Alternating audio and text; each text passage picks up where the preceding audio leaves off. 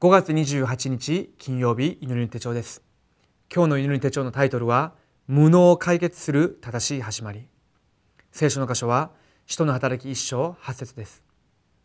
しかし精霊があなた方の上に臨まれる時あなた方は力を受けます。そしてエルサレムユダヤとサマリアの全土および地の果てにまで私の証人となります。今週私の家の近くにある瞑想運動をするそういう組織の事務所に行ってきました。そこに行ってみると空気がとてもきれいで部屋もよく片付いてその中で来る会員の方々一人一人にどのようにして瞑想をするのかそのことを教えてました。そこでは自分の本当の心を探し出すその段階まで瞑想を導いていくようです。自分の記憶に残っている過去の傷と自分の考え否定的な思い自分の目から入ってきたそういったイメージその全部の余計なものを瞑想しながら全部取り除いていく時に真っ白な本当の自分の心を発見するということです。それが釈迦やまたイエス様や多くの宗教の教師たちが求めてたその部分だそういうふうに表現しましたそれを神だというふうに言ってました。要するに自分自身の心が神だということです。それを発見することができてないんだ。そういう意味で説明してました。その瞑想運動に参加している人たちの証の映像を見たんですけれどもそこに医者であったりまた芸能人であったり多くの人たちが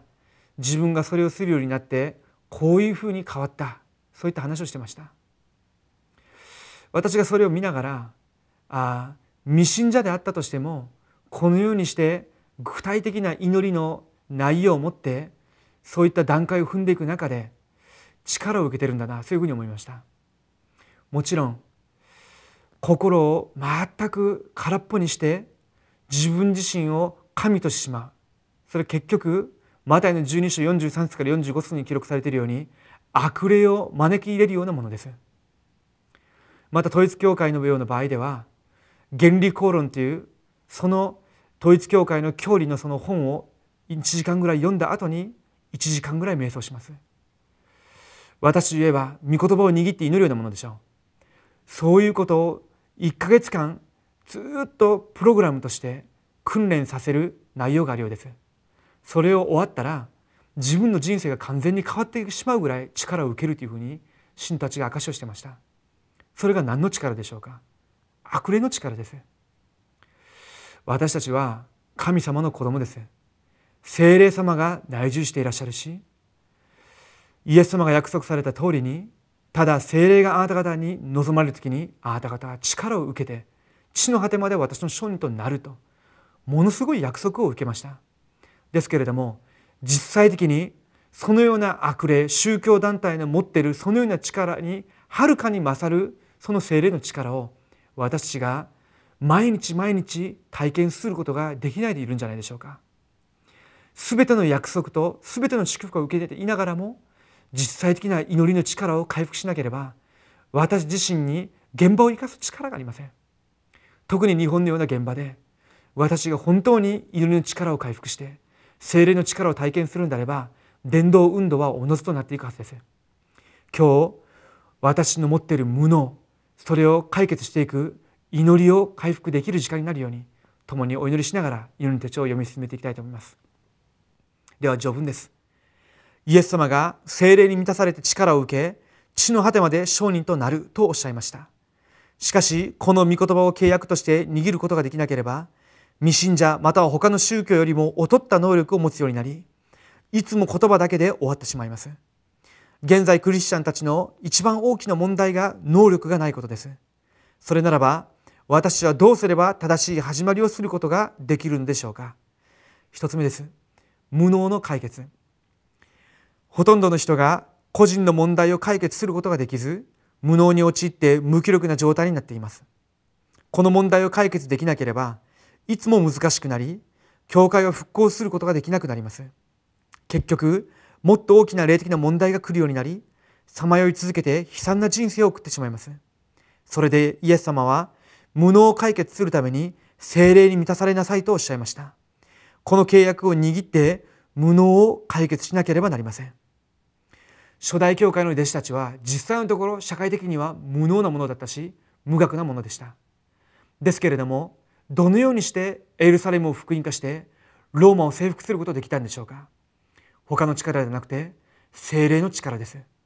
イエス様が与えられた契約の御言葉を握ってただ祈りに専念したその時に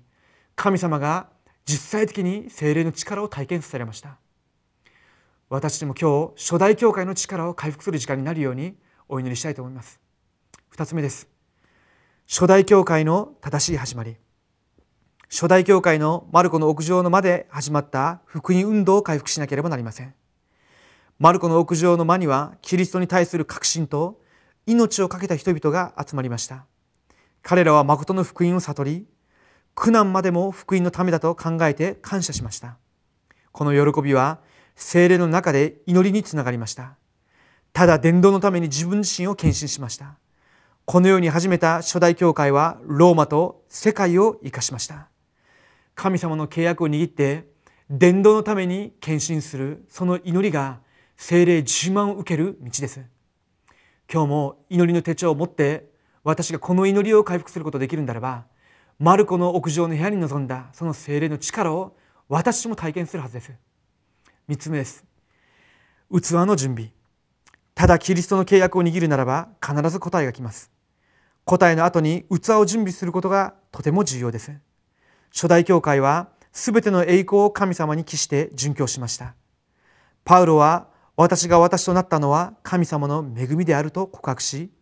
福音以外の全てのものを塵り悪多だと感じました。そして強さは人にあるのではなく神様にあり十字架の他には何も話さないと告白しました。私たちがこの信仰を持って大きな器を準備すれば神様の驚くべき働きが私たちの現場と働きの中に起きるでしょう。聖書の中のレムナンたち初代教会の弟子たち教会史で神様に豊かに用いられた伝道師たちを見てみると一人も例外なく福音の中で誠の自分の正体性を発見し伝道のために献身し祈りに専念した人たちでした。それであればこの時代においても同じように私たちが福音を正しく握りこの時代に向けた神様の契約を握り祈りに専念することさえできるんであれば神様が与えてくださる力があります。と神様が力を与えることができる器を準備することができるんであれば神様が日本福音化をすることができる120万要員を私につけられるはずです。この祝福が私の皆さんにあるように共にお祈りしたいと思います。今日のフォーラムの次第です。本当にキリストの奥義を体験しましたか？初代教会のマルコの屋上の間に集まった人々のようにただキリストとなるならば必ず勝利します。この奥義を日々味わえるように祈り神様の力を深く黙想してみましょう。お祈りします。生きておられる神様に感謝を下げます。神様が私たちに明確な約束を与えてくださりその約束を握る全てのものに私の無能を完全に解決することができる精霊の力を与えると約束してくださったことを感謝します。この約束を握って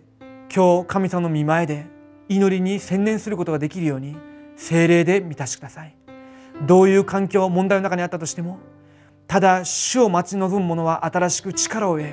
わしのように翼を飼って登ることができるとおっしゃったように主よ今日私たちに精霊の力を与えてください。